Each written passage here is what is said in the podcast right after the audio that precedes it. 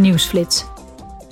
Het Europees Parlement heeft nieuwe regels goedgekeurd om de cruciale infrastructuur van de EU nog beter te kunnen beschermen.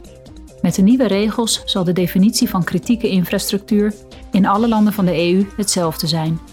De regels zullen gelden voor elf essentiële sectoren, waaronder digitale dienstverlening, water- en voedselvoorziening en volksgezondheid. De lidstaten moeten nationale veerkrachtstrategieën vaststellen en daarnaast moet er sprake zijn van grensoverschrijdende communicatie via een centraal contactpunt in elke lidstaat.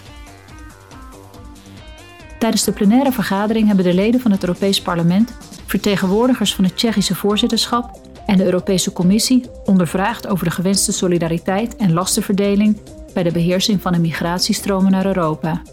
Het debat spitste zich toe op de vraag hoe de hervorming van het gemeenschappelijke migratie- en asielbeleid voor de Europese verkiezingen van 2024 vooruitgeholpen kan worden. Margaritis Skinas, vicevoorzitter van de commissie, zei daarover het volgende. We cannot continue working. We kunnen niet steeds brandjes blussen. Bij elke nieuwe gebeurtenis, bij elke nieuwe crisis en bij elke nieuwe boot met vluchtelingen die aankomt, ad hoc ingrijpen.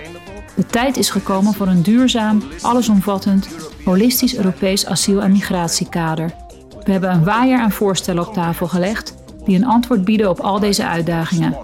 Het Migratie- en Asielpact van de EU. Daarmee kunnen onze lidstaten de migratie in goede banen leiden met een systeem dat is gebaseerd op de wetgeving van de EU en door in Europees verband samen te werken.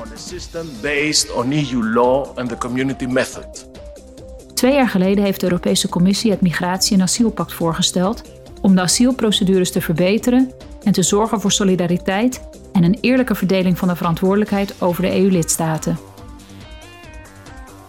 In Straatsburg bevestigden de leden van het Europees Parlement dat de bestaande beperkingen voor EU-vaartuigen die in de territoriale wateren van andere EU-landen vissen, nog eens tien jaar van kracht zullen blijven. Hiermee kan de druk op de visserij in bepaalde gebieden van de lidstaten worden verminderd en kunnen lokale economische en kleinschalige activiteiten langs de kust van deze landen blijven bestaan.